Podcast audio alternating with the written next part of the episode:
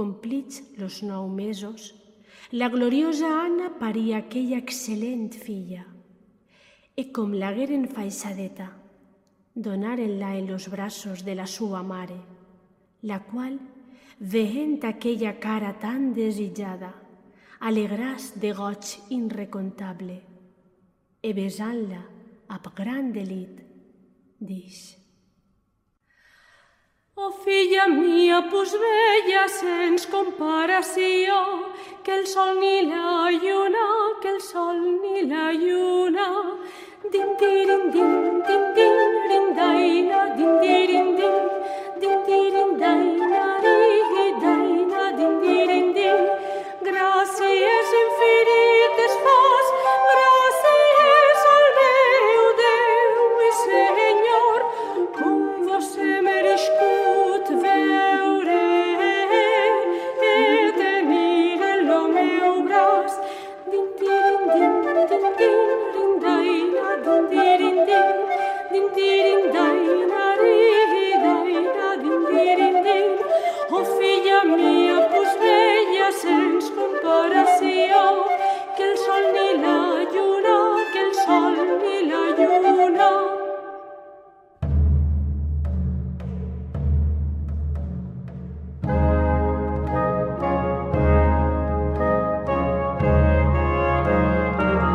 Cròniques edetanes.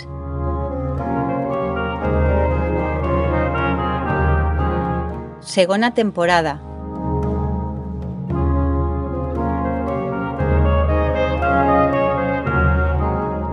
Commemoració des del camp de Túria de les festes isabelines.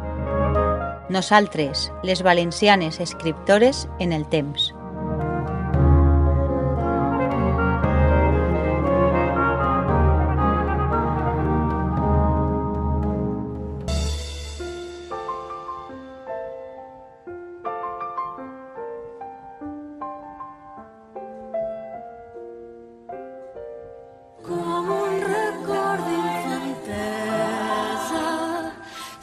Recordaré la Teresa. Ballant al vals. Potser fou l'últim fet amb algú que estimés abans que un bombardeig la tornés boja. Tots els xiquets la seguien i en un solar apartat ens distravíem al voltant. Mentre ballonada ens mostrava les cuixes i ens donava lliçons d'anatomia. Ens parlava de l'amor com la cosa més bonica i preciosa sense pecats ara de gran comprenc tot el que per tu sent i el llenço un homenatge als quatre vents. Com un record d'infantesa sempre et recordaré a tu. Teresa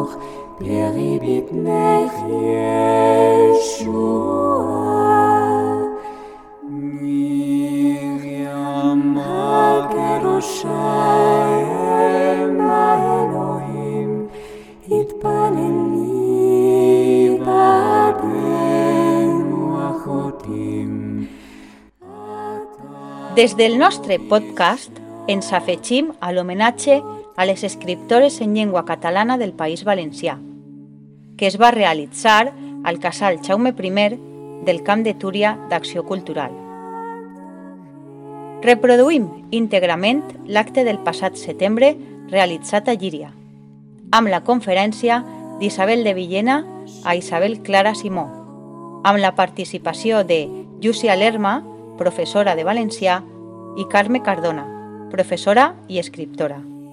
Presenta Mafi Cibera. Vos parla Neus Domínguez.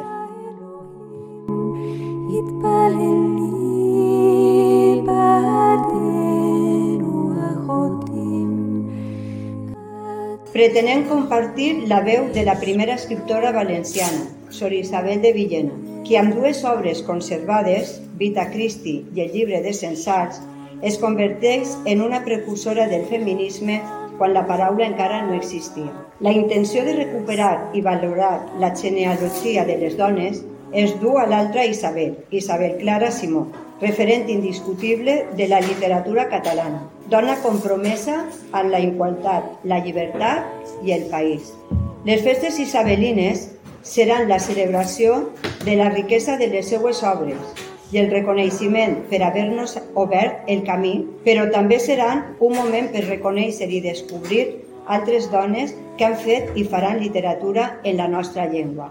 Com a mostra d'aquestes dones que, que vos estic comentant, hem aconseguit aquesta exposició en el que està totes les dones escriptores valencianes i si veieu en el catàleg arribem a ser unes 400 persones que això és el que portem. I, i bueno, res més, jo vaig a donar pas eh, a les nostres companyes Llúcia ens parlarà de Sor Isabel de Villena i Carmen ens parlarà d'Isabel Clara Simó.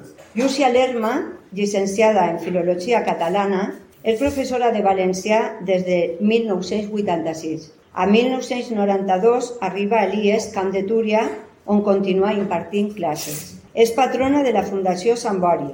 És també vocal de la, eh, de la directiva de la Coordinadora per el Valencià Camp de Túria. Carmen Cardona, llicenciada en Filologia Catalana i professora de l'IES de Benaguasil, i també escriptora.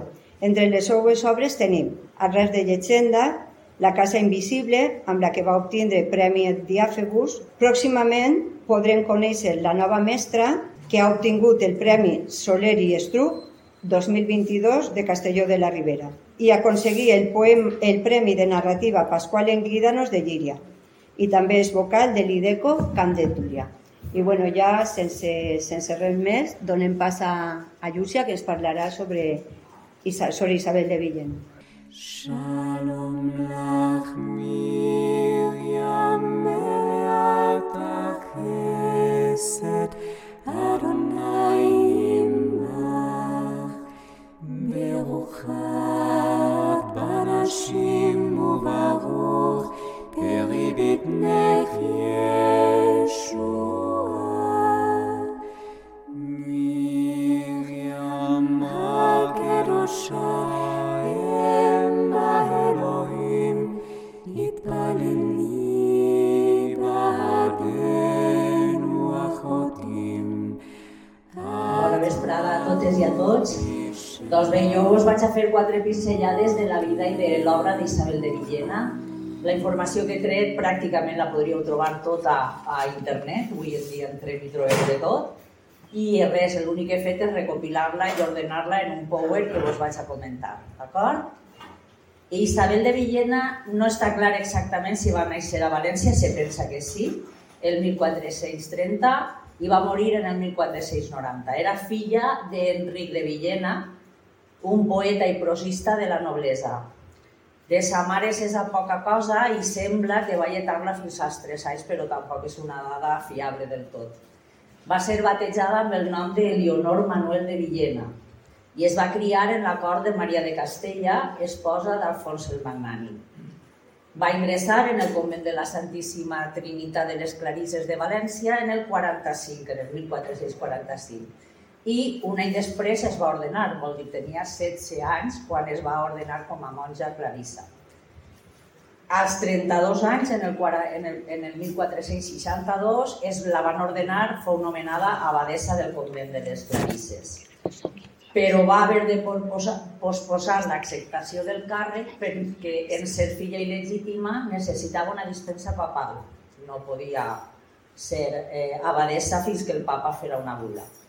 Se sap que tenia una bona formació cultural, sobretot perquè havia estat educada en la cort de Maria de Castella, i perquè tenia, molta, tenia accessibilitat directa a la biblioteca del monestir.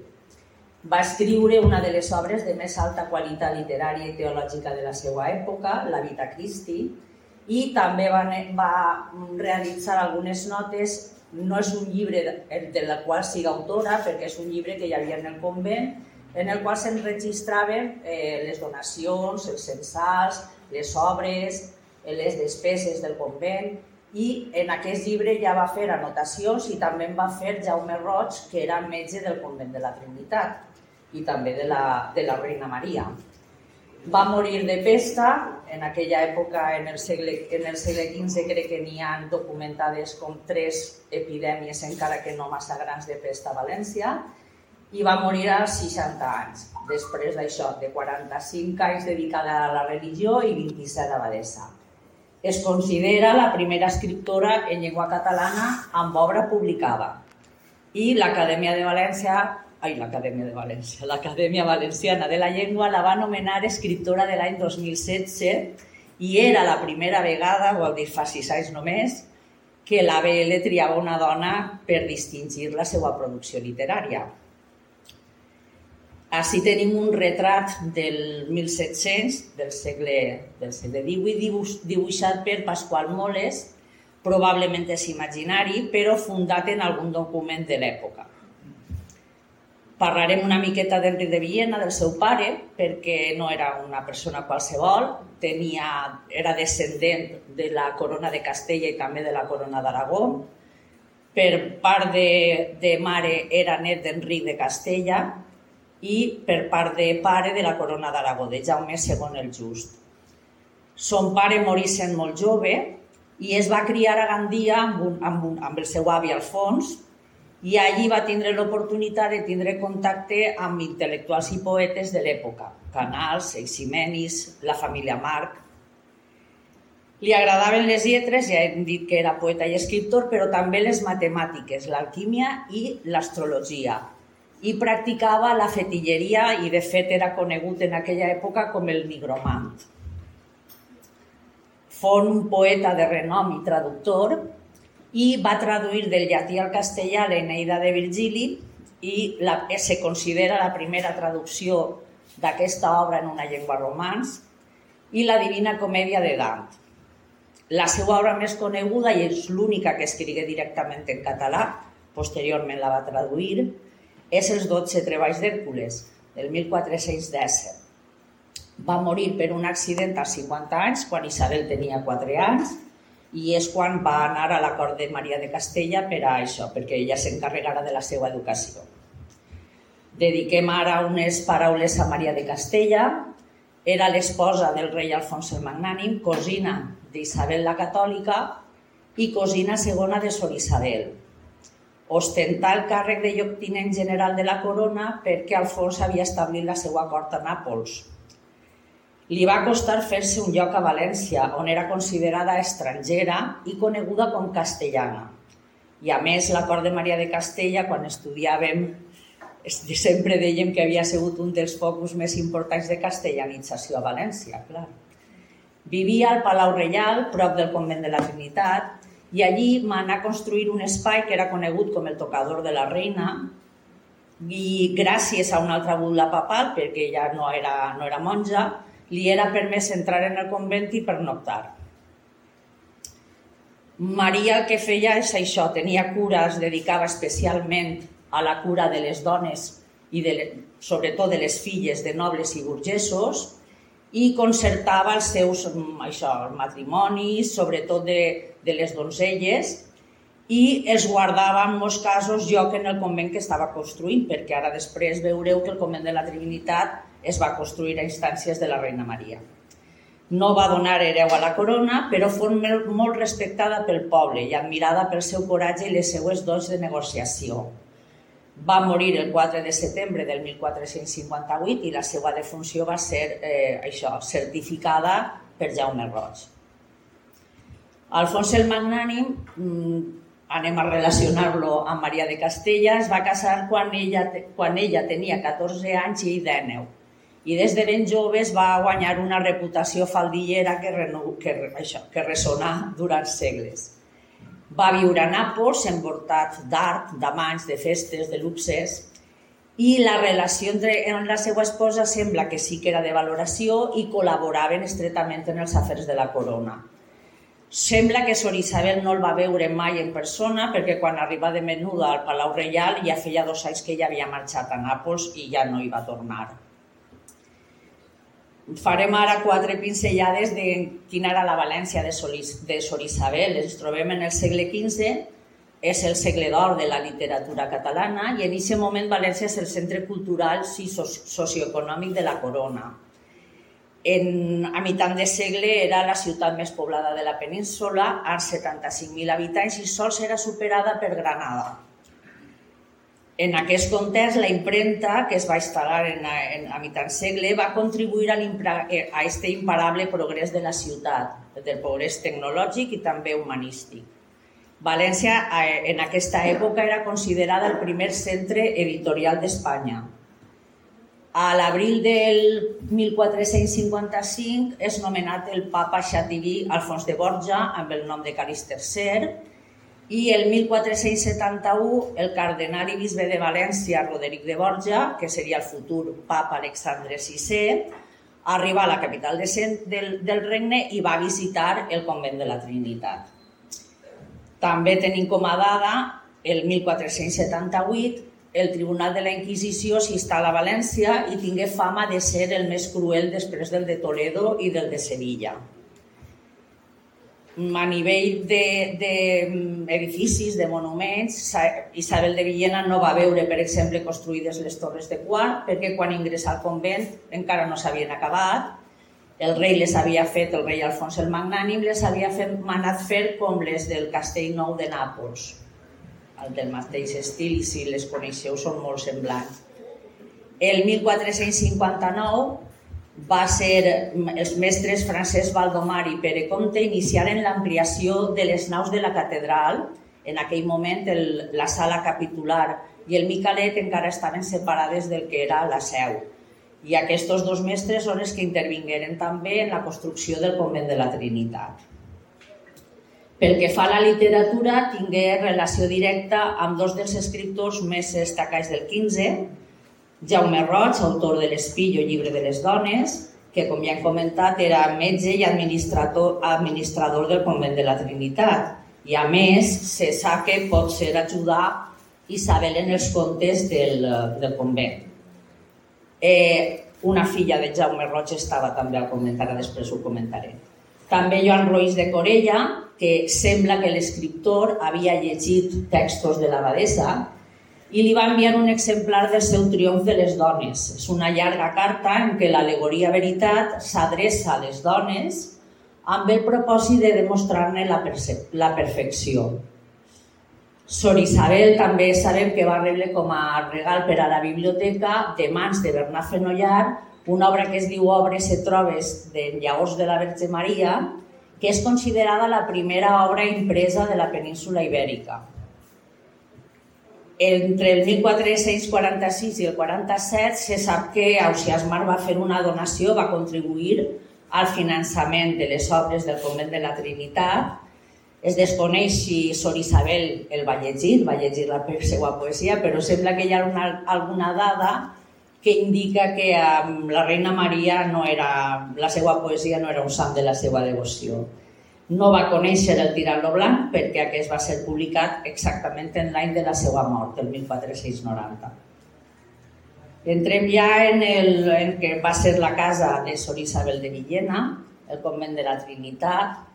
Les obres del monestir s'iniciaren en el 1445 sobre l'emplaçament de l'Hospital de Sant Guillem, que era del segle XIII, i del convent trinitari que es construí al costat, a petició de la reina, el papa va promulgar una búlia per la qual els monjos trinitaris foren expulsats del, del, del convent i foren ocupades per les monges del convent de, Clari, de, de Gandia, que eren de l'ordre de Santa Clara. Va compartir, com he comentat abans, amb la seu els constructors més importants del, mom del moment.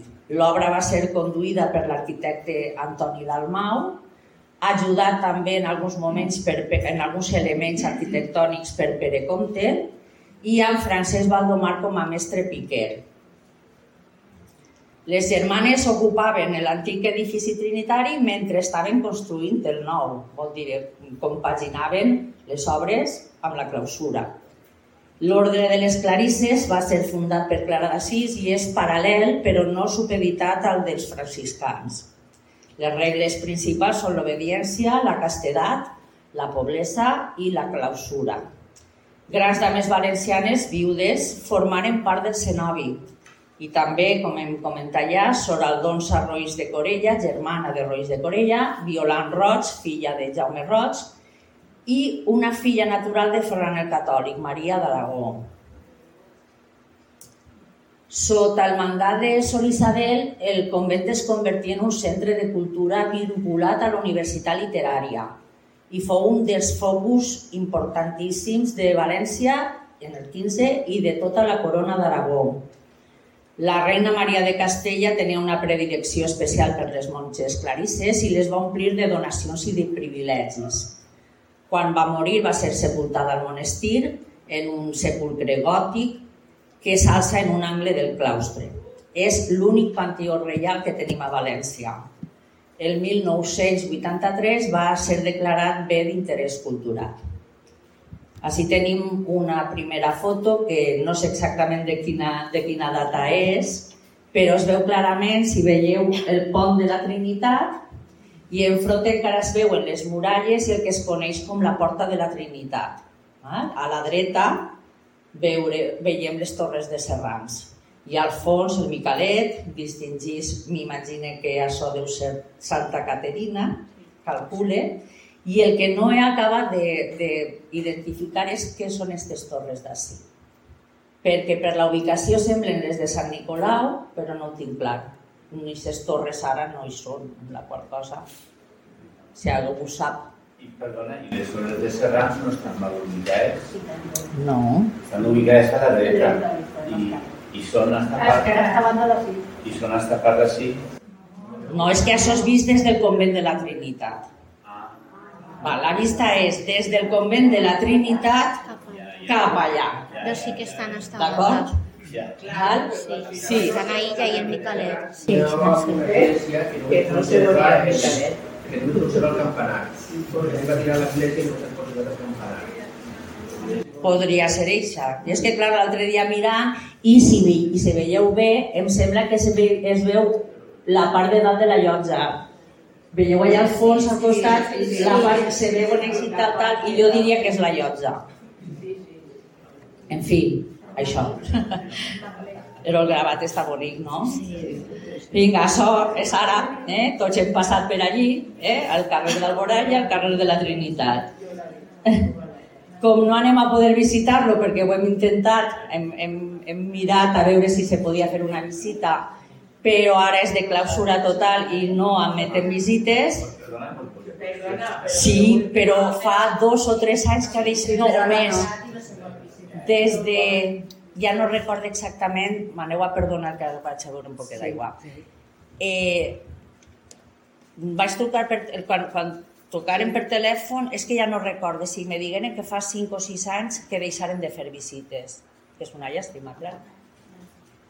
Eh? Que això, que si voleu interrompre no n'hi ha cap problema, eh? esteu com a casa, ja ho sabeu. Doncs bé, això és el claustre, he posat unes quantes fotos, n'hi havia moltíssimes més, però dic, ne trio unes quantes. Això és l'església. Jo com no ho conec, si vosaltres sabeu donar notícia, m'imagine que són unes dependències, deu ser la sagristia o alguna cosa d'ixes, perquè és molt... No, l'església no és... L'església és esta. I ahir fa la impressió que, és, que n'hi ha, ha uns bars que o és una capelleta privada o alguna cosa d'estes, però part de l'església crec que no és. Crec que eh? això deuen ser les cel·les, que és una foto un poc artística i està de costat. Val? Això deu ser el refectori i això és el sepulcre de la Reina Maria. Això sí que és que és això. Molt bé. Doncs ara ens centrem una miqueta en la Vita Christi, no sé, és això, Vita Christi és la vida de Crist, però veurem que més que la vida de Crist és la vida de la Verge Maria i de les dones que envoltaren la vida de Crist. Va ser impresa per primera vegada en el 1497 a la impremta de l'alemany Lope de Roca, que per cert, quan abans d'anar-se'n, si voleu, allí n'hi ha una tauleta que hem, acon hem aconseguit, no el vaig trucar a la biblioteca a veure què tenien d'Isabel de Villena i va resulta que tenen un facsímil precisament d'aquesta edició, de l'edició del 1497. Així que quan eixiu podeu mirar com imprimiren, i ara després vos contaré una altra anècdota, com la, eh, és exactament com s'imprimí en el 1497. Va ser impresa per ordre d'Aldonsa de Montsoriu, que era la successora d'Isabel de Villena, a instàncies d'Isabel la Catòlica, perquè va tindre notícia d'això, del que feia Isabel de Villena, perquè Isabel de Villena en principi escrivia per a les seues monges, no per a publicar. I va ser eh, Isabel la Catòlica la que va tindre notícia d'aquests escrits que Isabel de Villena llegia a les seues monges i va demanar una còpia d'això i la van imprimir. A més, la curiositat és que sembla que era més ràpid imprimir-la en impremta que fer-la mà. En cinc mesos es va fer l'edició. Posteriorment s'han fet nombroses edicions, la darrera crec que és de Bromera del 18, me pareix, del, del, del 2018, però mireu que posteriorment, ja en el 1513, ne tenim una a València i el 1527 a Barcelona. Sols això, a escassos anys de la seva primera edició, la qual cosa indica que va tindre un èxit bestial. De fet, se sap que va aconseguir més èxit que el Tirando Blanc. Esta és la portada de la primera edició de València, que és la que teniu ahí un facsímil, i aquestes dos són les de la portada de València del 1513 i la de Barcelona del 27. La Vita Christi, eh, l'Espí diu el, o llibre de les dones, doncs no, és la Vita Christi, llibre de dones. Des del 15, la influència de Vita Christi ha estat notable en la literatura religiosa, però és una de les obres medievals més representatives de la seva època.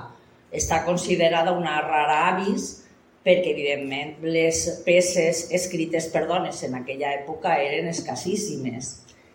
Eh, hi ha una, una professora de la facultat, que no sé si vosaltres l'has tingut, a Rosana Cantabella, l'hem tingut a la majoria dels, dels que hem fet filologia catalana, doncs en protagonistes femenines de la Vita Christi eh, diu això, la Vita Christi va ser escrita per Isabel de Villena i donada a l'impremta per la seva successora, Aldonsa de Montsoriu, atenent a la sol·licitud d'Isabel la Catòlica, i les destinatàries més immediates de la mateixa eren les religioses del seu convent. L'obra s'ocupa abundantment dels personatges femenins de l'Evangeli i defèn obertament la superioritat moral de la dona sobre l'home. Ai, fixe. Vinga. Així tenim una il·lustració de l'edició de València del 1513. Eh, és Isabel de Villena fent donació de la seva obra del Vita Christi a les monges clarisses. La, la, segons l'abadessa Aldonsa de Montsoriu, aquesta escrigué l'obra per a les devotes sorts i filles d'obediència que en la tancada casa d'aquest monestir habiten. A veure, està clar que mm, Isabel de Villena sembla que estava ocu- preocupada pel nivell cultural de les dones i la seva obra obeeix a un doble propòsit. Per una banda, millorar la formació espiritual de les monges i per una altra, plantar cara a la misogínia de l'època, en especial a la de Jaume Roig en el seu llibre Espill o llibre de les dones. De fet, hi ha diversos estudis, entre ells el de Vicent Josep Escartí, que en el títol ja ho diu, sobre la voluntat didàctica en l'obra d'Isabel de Villena. Apunta que aquesta se'ns presenta com una abadesa atenta a les necessitats de les seues germanes i filles. Per això els escriu, els llits, els il·lustra en pintures, perquè també pintava, i fins i tot els predica, no escatimant en tots els recursos a la seva mà.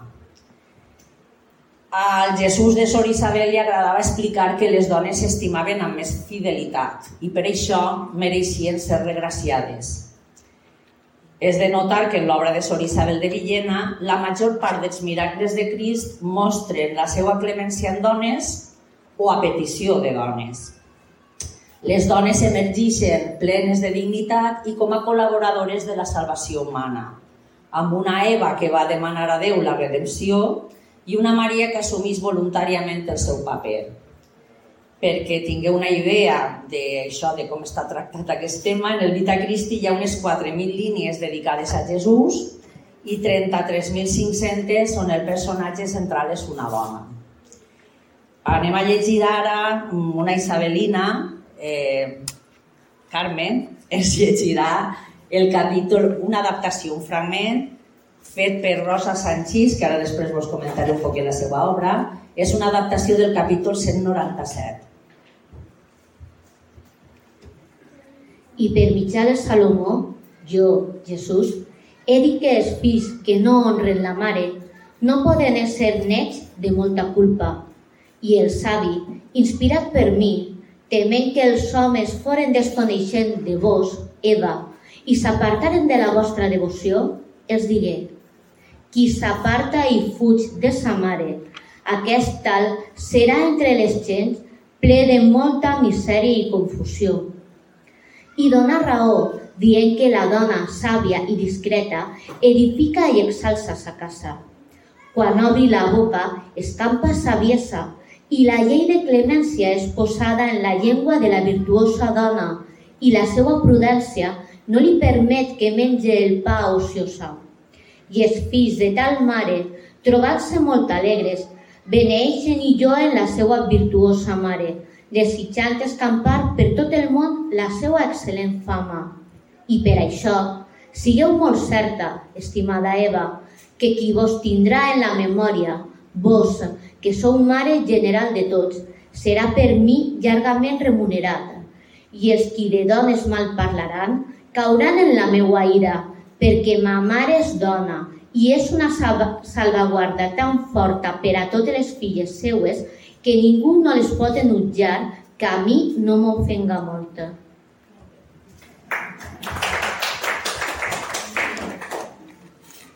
Molt bé.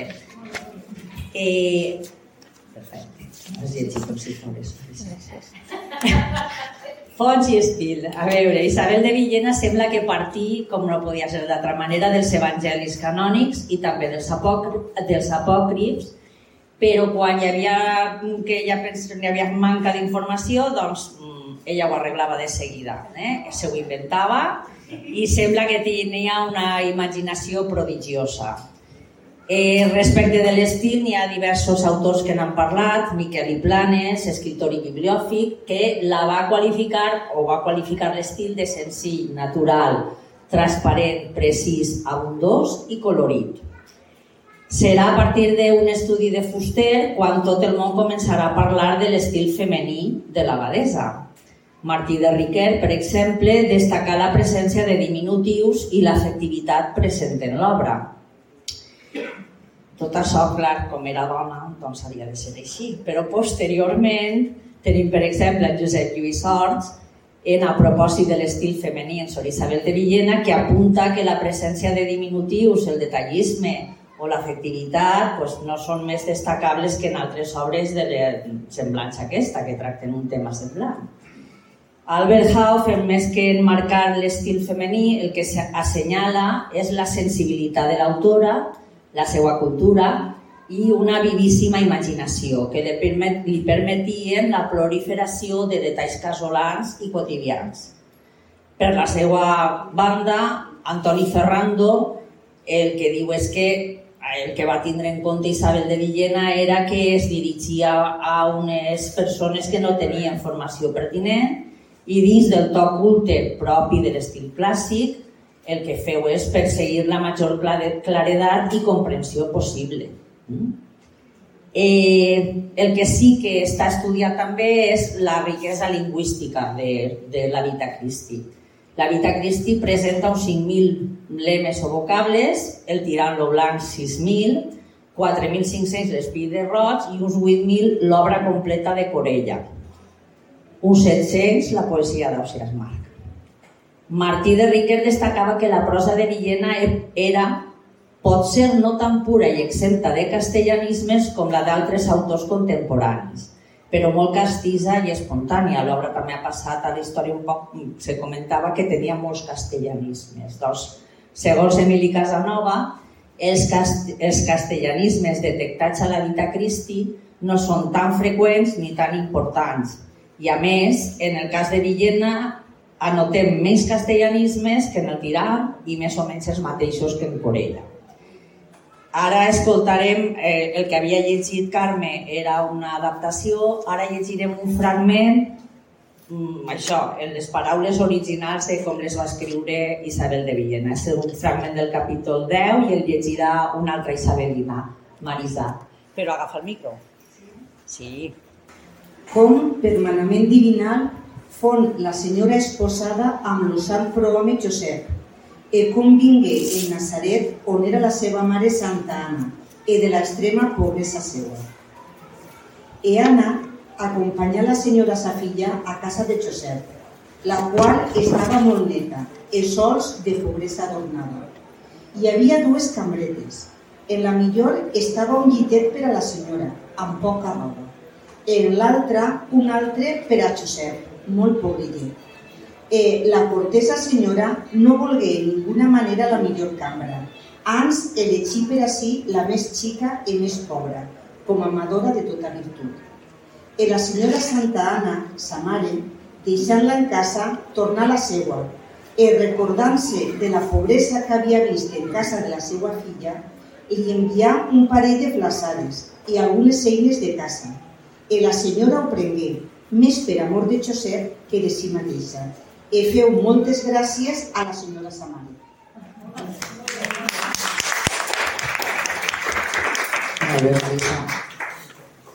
bé, anem a entrar en el, en el debat que podem establir. Eh?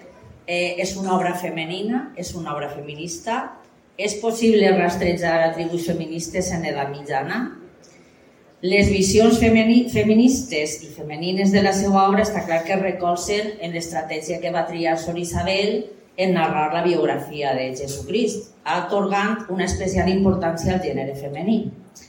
Així ho destacava Joan Fuster en el seu moment i també, també feu menció Martí de Riquer quan en la història de la literatura catalana afirma que hi ha molt de femení en la Vita Christi i pot ser molt de feminista emprant un neologisme, si acceptem la versemblant tesi que suposa que Sor Isabel en una certa manera volgué respondre al misoginisme de l'espírit de Jaume Roig.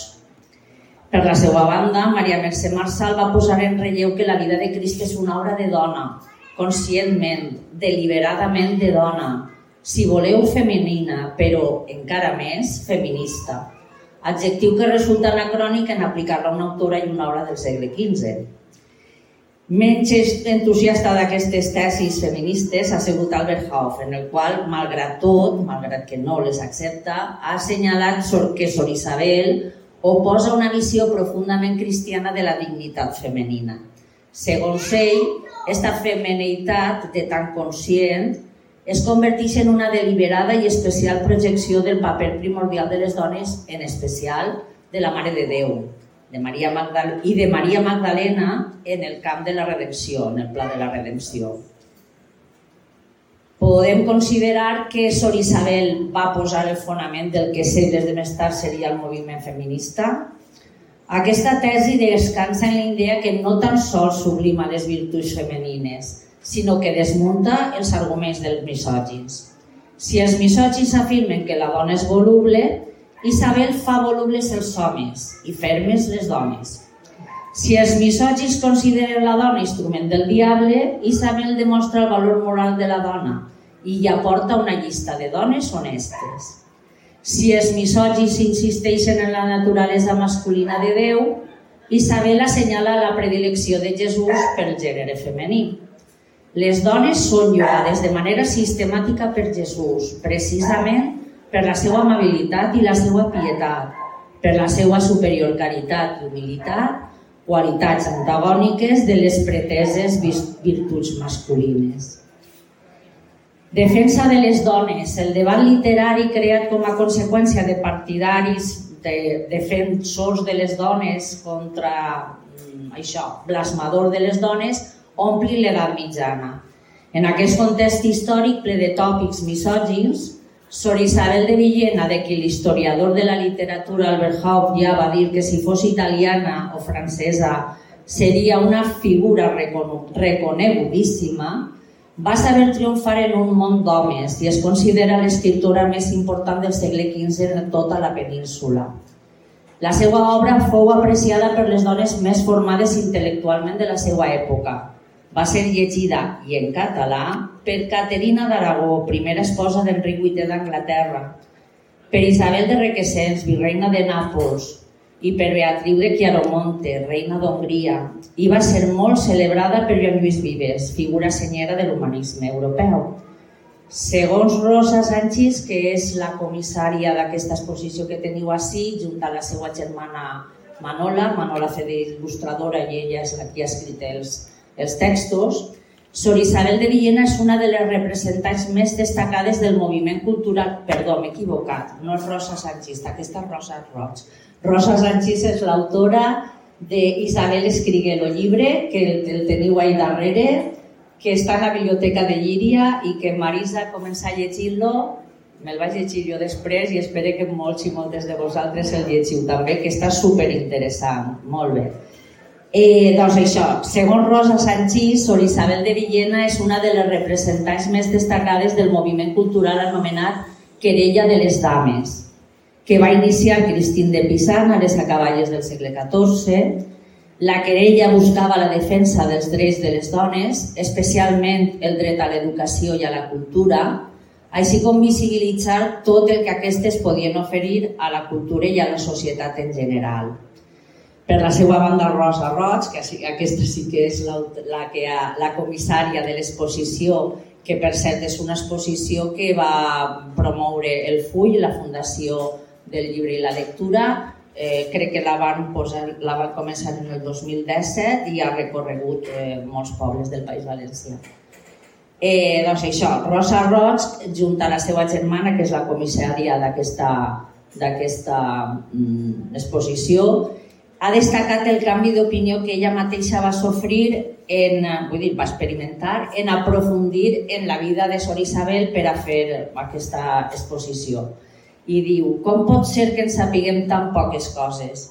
Fuster ens la va descobrir, però des d'aleshores hem avançat molt en llegir els textos des d'una perspectiva de gènere. Sor Isabel no s'ha deixat de sorprendre pel protagonisme de les dones i pel fet de convertir-les en mediadores de la paraula de Déu. Salva Eva i convertís la paraula de Déu en paraula de dona.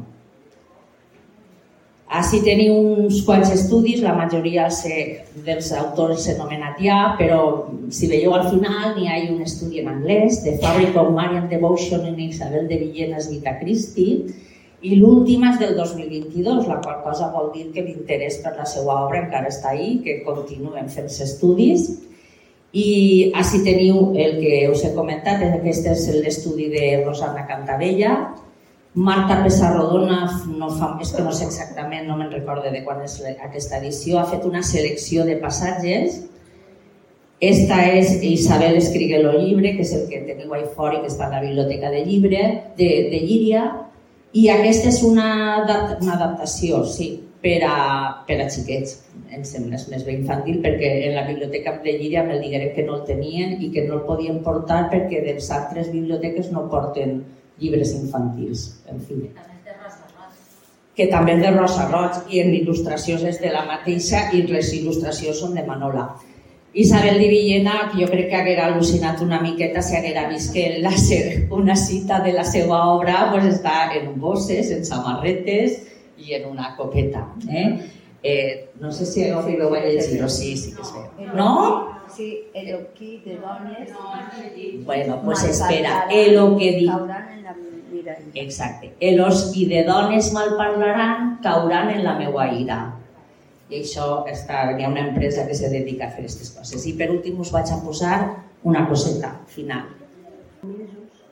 La gloriosa Anna paría aquella excelente filla, e com lagueren faixadeta, donarenla en los brazos de la súa mare, la cual, veient aquella cara tan desillada, alegrás de goig inrecontable, e besant-la amb gran delit, dix. Oh, filla mía, pues bella sens comparació, que el sol ni la lluna, que el sol ni la lluna. Din, dirin, din, din, din, din, daina, din, dirin, din, din, dirin, daina, digi, daina, din, dirin, din. Gràcies infinites dos,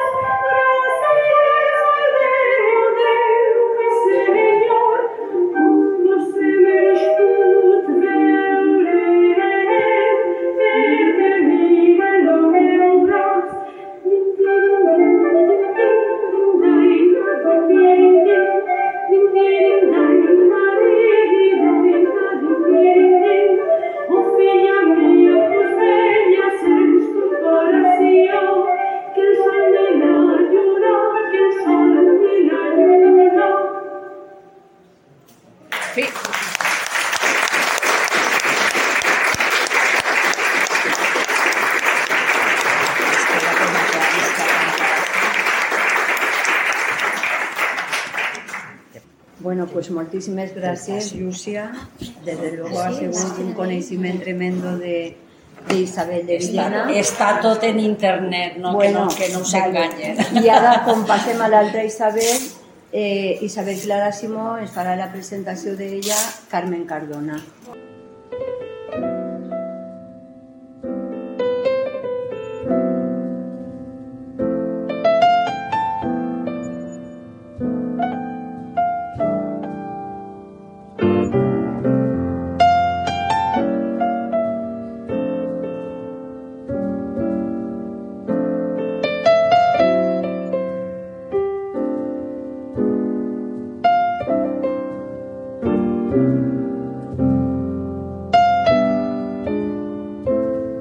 Cròniques edetanes.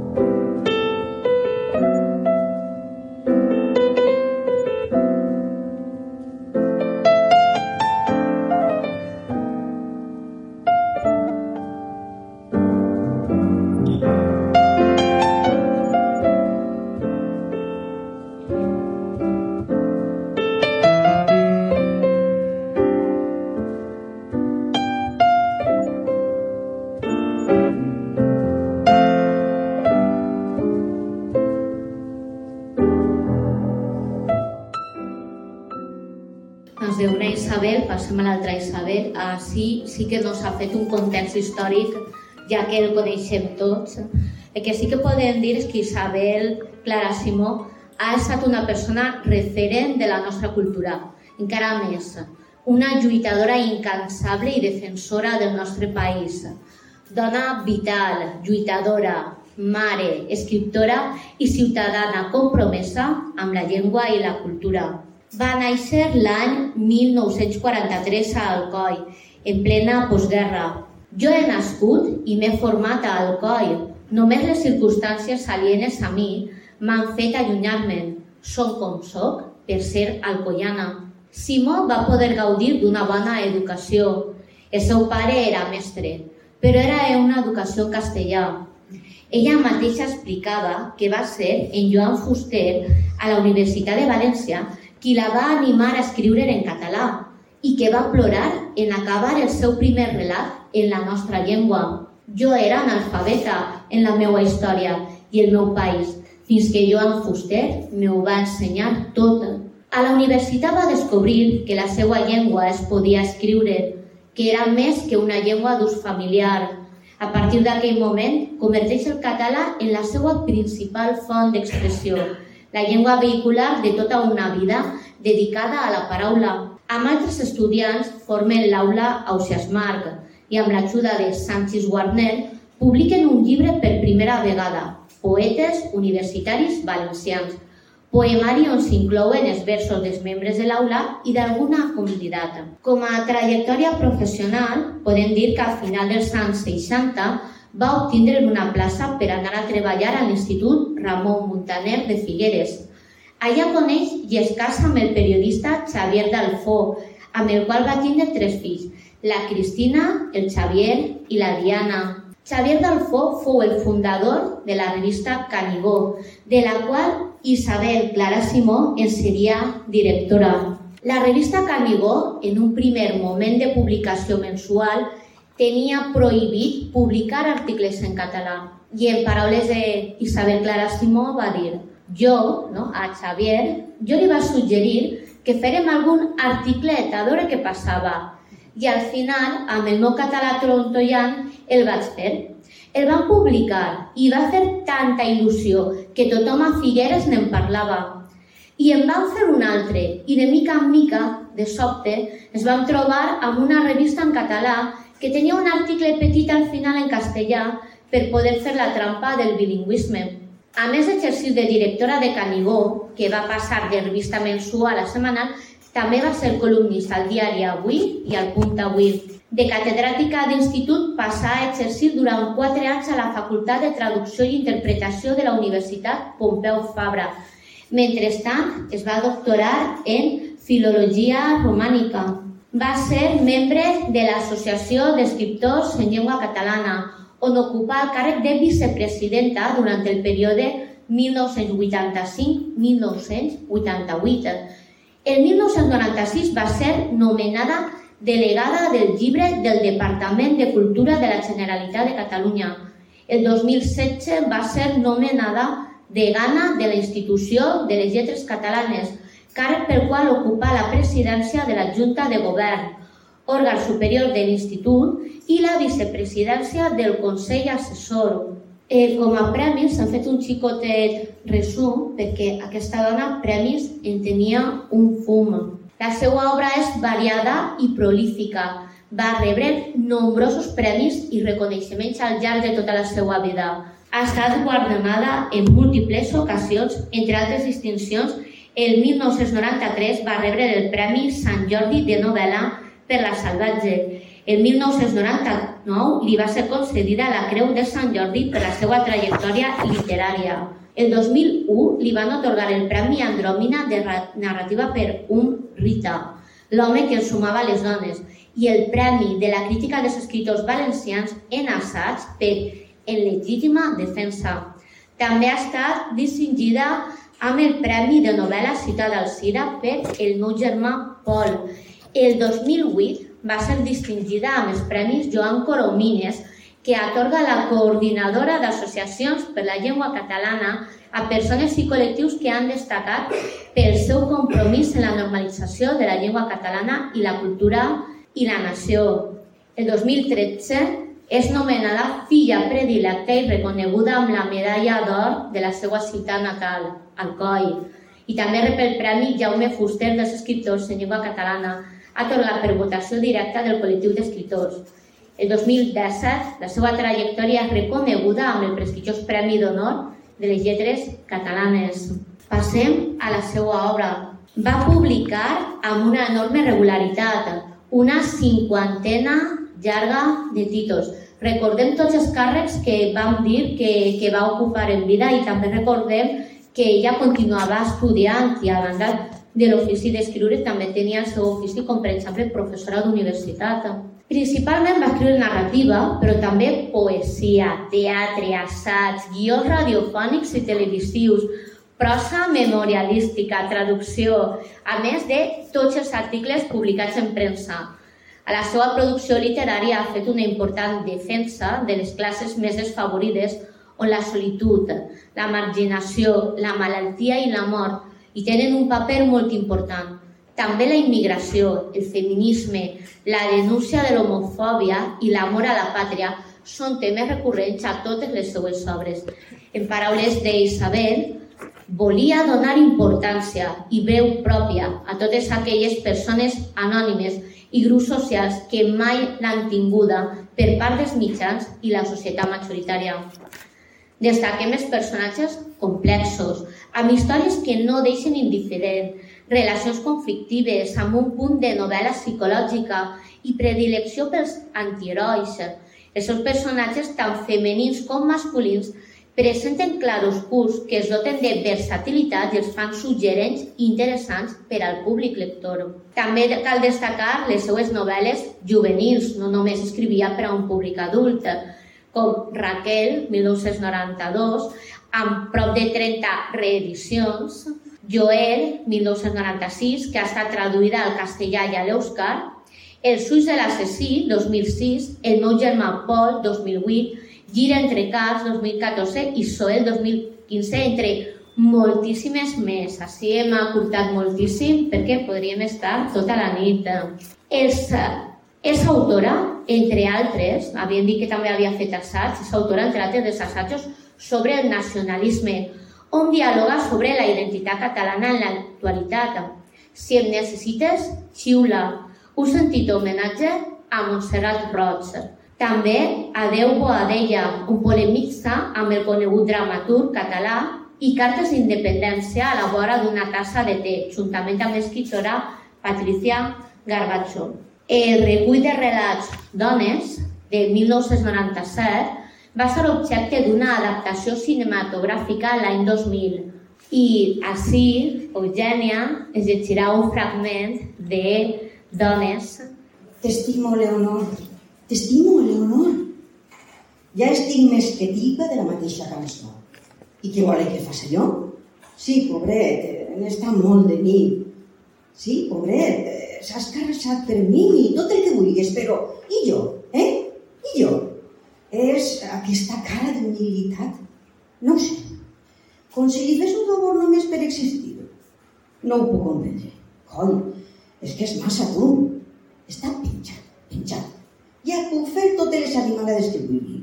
Ell com un gos, als meus peus. Hòstia, jo no dic que... Però què he de fer, eh? Què he de fer? No em dóna la gana sentir-me culpable, perquè aquesta situació no l'he provocada jo. T'estimo, Leonor? T'estimo, Leonor? Ostres, estic més que farta de... No és que no l'estime no, no, jo també. Bé, l'estimava, de debò, però no així. Mira, totes les amigues, però totes sempre sospirant per trobar qui l'estime així, com si fos el seu. I jo dic que, que no, que jo dic que no, que no és això. Que sé jo que qual vol dir això d'estimar. Sí que ho sé, però no així. Sempre humilitat, sempre suplicant, afarta tant, que et tractin així és embafós, això és.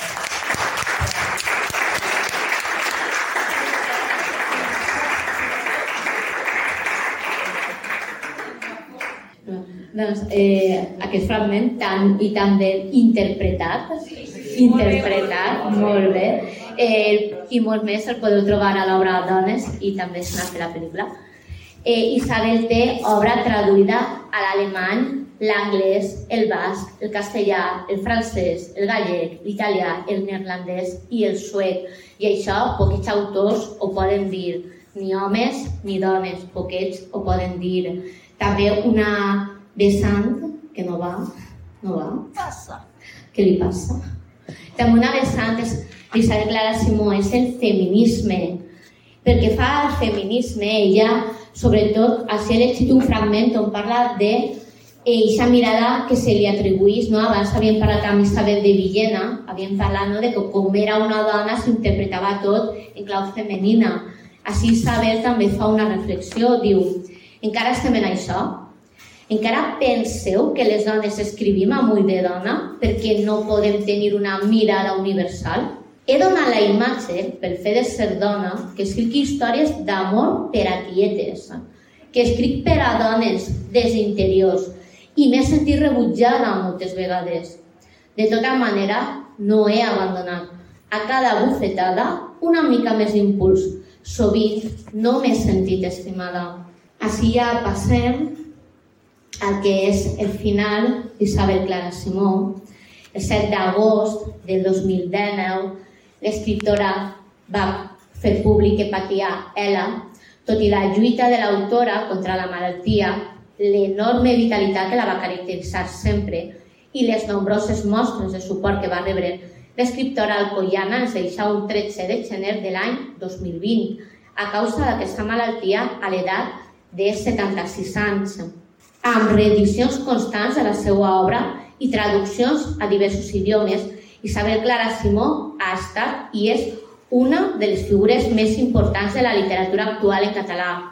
Va ser una dona apassionada en tot el que feia, clara, directa, inconformista i valenta, que mai va amagar els seus ideals polítics que aquest llegat rebel d'una dona compromesa dure per a sempre en la memòria col·lectiva.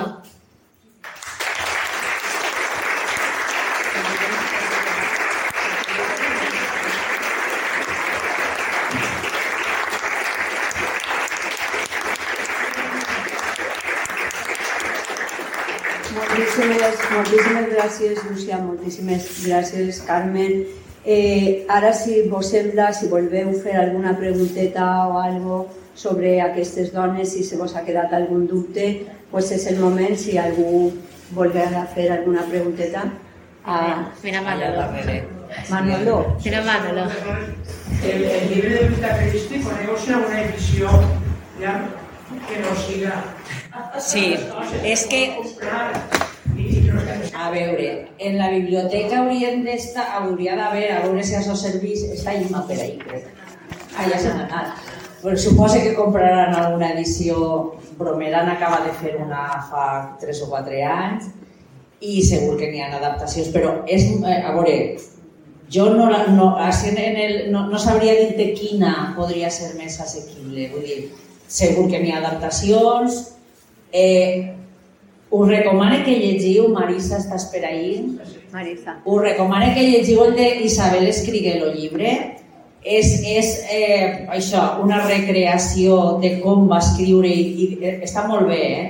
és molt amè, té algunes té adaptacions de fragments de, de la Vita Christi, però no sé dir-te ara mateixa, ja t'he dit, en la biblioteca de Llíria tot el que hi ha està damunt d'aquella taula. No hi ha res més. Núria. Yo voy a, preguntarte, bueno, yo del estudio, Nuria. a estudio de Isabel de Villena eh, no estic actualitzada perquè han fet molts estudis de dones d'ara. Jo em vaig quedar sense fuster, per ahí. Sí, no estic en això. I jo el que sí que en aquella època recorde que hi havia una, no sé, lluita entre l'espírit i el d'ella. Dir, no sé, quina és vostra opinió, serà si allò era, era la reacció, era infantilitzar un poc la vida, buscar-se la vida alternativa al dogma de la Iglesia, d'ensenyar-nos la vida de Crist en els evangelis, i ella anava als. Vull dir, no sé, perquè si ella estava baix per haver el Jaume, que Jaume com dir-vos, jo en aquell moment ella era la feminista i el Jaume era el... Sí, home, jo crec que és prou no sé clar... si més, més enllà. Vols. Jo crec que és prou clar que sí que va contestar al misoginisme de l'època. Però no era només Jaume Roig, vull dir, això... Sí, vull dir, és que a, això realment era com una moda, i me podreu dir, doncs, quina moda, no? Però realment era com una moda literària i moltíssims autors de l'època també jugaven un poc, perquè de vegades la literatura és un joc, jugaven de vegades un poc a veure qui la dia més grossa. I també estem pensem que és època medieval, no té res, les dones també eren vistes sota un altre concepte. Jaume Roig i Sal de Villena eren contemporanis, se coneixien i tenien relació i segurament tindrien, tenien molt bona relació en el convent que sempre s'ha dit el Vita Christi com una contestació a l'espí, no només a l'espí, sinó a tota la literatura misògina que n'hi havia en l'època, de donar aquest valor a, a les dones.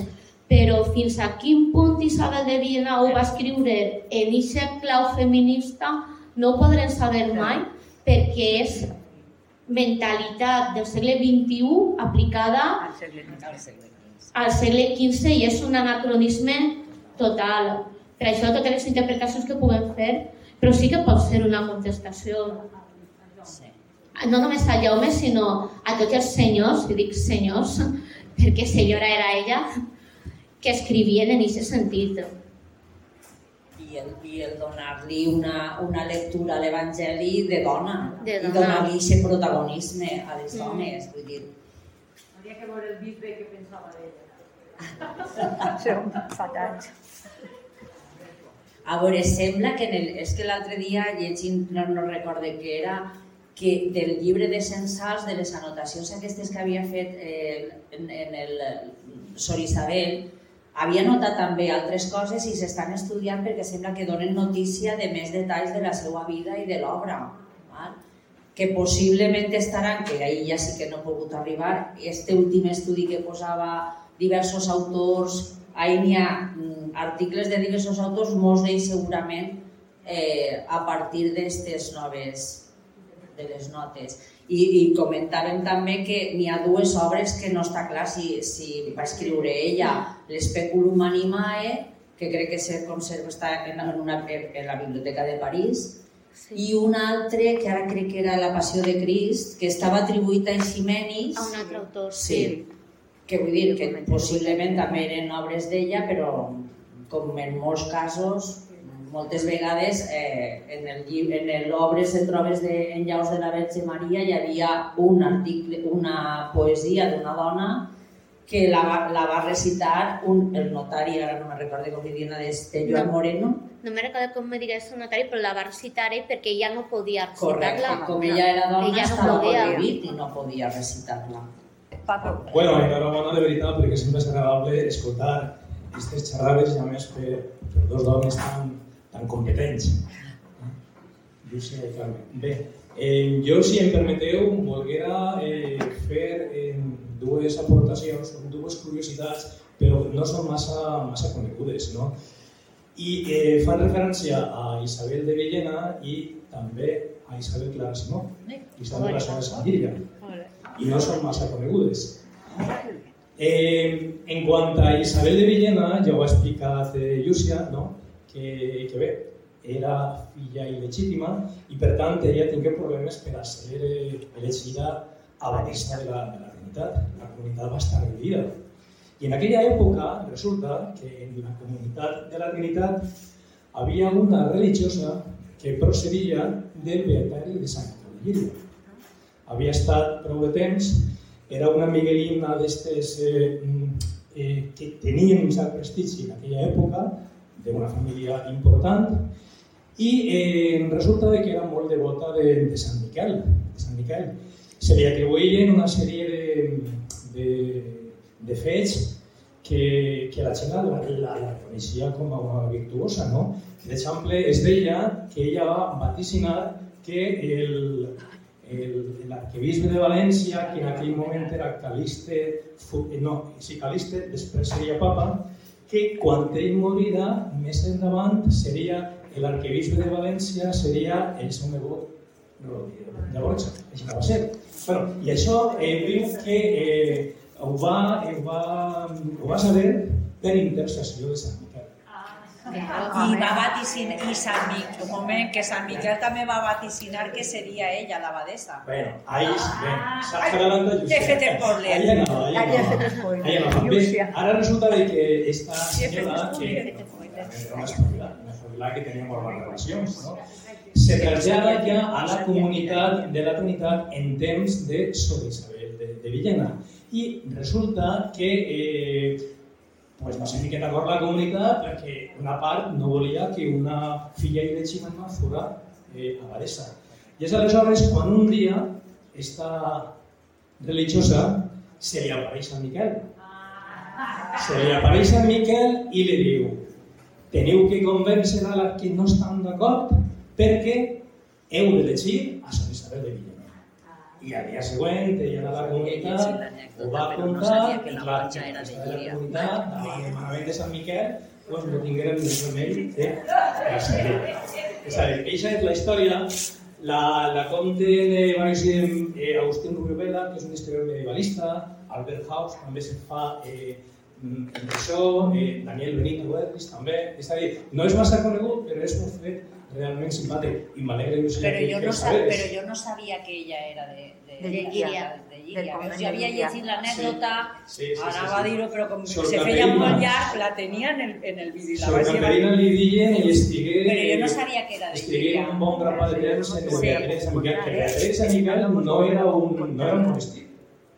Era una institució medieval, eh? era un beateri, era una institució religiosa, però governada per el poder civil. És una cosa medieval molt curiosa. bueno, no vull fer més llarg i ara passe a la segona, a la de Isabel Clara. Clara Simón. Eh, sabeu que la primera novel·la que va, eh, que va escriure és Júlia, Júlia. de recomanació, com vas dir, de, de, de Joan Fuster. No, no, no, no, no, no. no. Eh, Júlia fou la primera novel·la, La primera però novel·la, ella sí, sí. abans feu una provatura i feu un conte. Sí, sí, Però sí. Júlia és una novel·la, sí, ja exacte. feu... Sí, no, vull dir, la primera Ja. novel·la que la feu per recomanació de, de, de Joan Fuster, que li digué, tens que escriure algo sobre la revolució del petroli. la revolució, sí. Bueno, i ahí volia, volia anar. No és que conta en la... Els que l'heu llegida no és que conta la revolució del petroli, però està inspirat en aquesta revolució. I volia comentar que és una cosa molt curiosa perquè sabeu qui va ser el líder de la revolució obrera de Bancoll de 1873, quan se va declarar la Primera República? Qui, qui? Pues un dirigent anarquista de Lleida. Eh, esteu per totes partes. Severí Brosera. Els noms no poden dir, eh? Este eh, va ser un dirigent anarquista que eh, tingué la veritat eh, uns contactes en, en tots els intel·lectuals anarquistes a nivell, eh, a nivell internacional. I eh, va ser, eh, est- estigué vivint en Alcoi durant un temps que justament és quan s'inicià aquesta revolució i ell va ser el, el dirigent. Quan s'acabà, hagué de fugir a, a Suïssa, se va refugiar, allí on estaven eh, la majoria dels dirigents anarquistes, allí es va refugiar perquè, evidentment, clar, el feien culpable, el feien culpable d'esta d'esta revolució. I bueno, la veritat és que com conta, evidentment tot això no conta eh, Isabel Clara Simó, però com està inspirada en esta, en esta revolució que ens està pròxima, morí molt jove, als 27 anys, a Barcelona, i la veritat és que així és un complet desconegut. Jo ja en els anys 90 ja vaig escriure un article sobre ell, però bé, aquestes coses ja la gent se'n recorda. I Alcoi sí que és ben conegut. En Alcoi, la primera corporació democràtica li va dedicar un carrer. Carrer de el dirigent anarquista Severí Albarracín Roseta. Així a Llíria jo vaig proposar, i no me faré cas, i evidentment continua sent un gran desconegut. Moltes gràcies.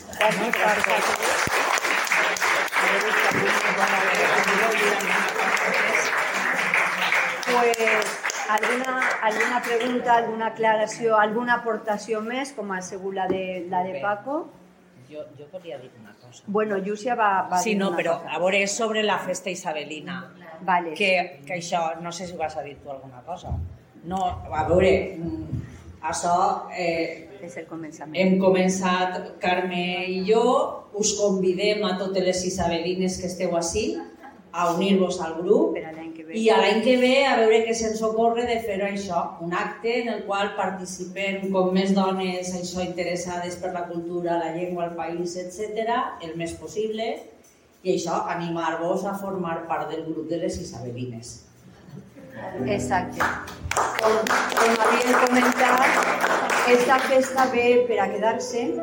Esperem a l'any que ve pues, comptar en tots qui vulgueu per a participar en la propera. Ja pensarem què fem. Vol ser Isabelina? Clar, Llucia? ja tenim les Pues, coses. de més, pues, Vol ser Isabelina? Vol, vol ser Isabelina? Pues ja sabeu, per a l'any que ve eh, continuarem.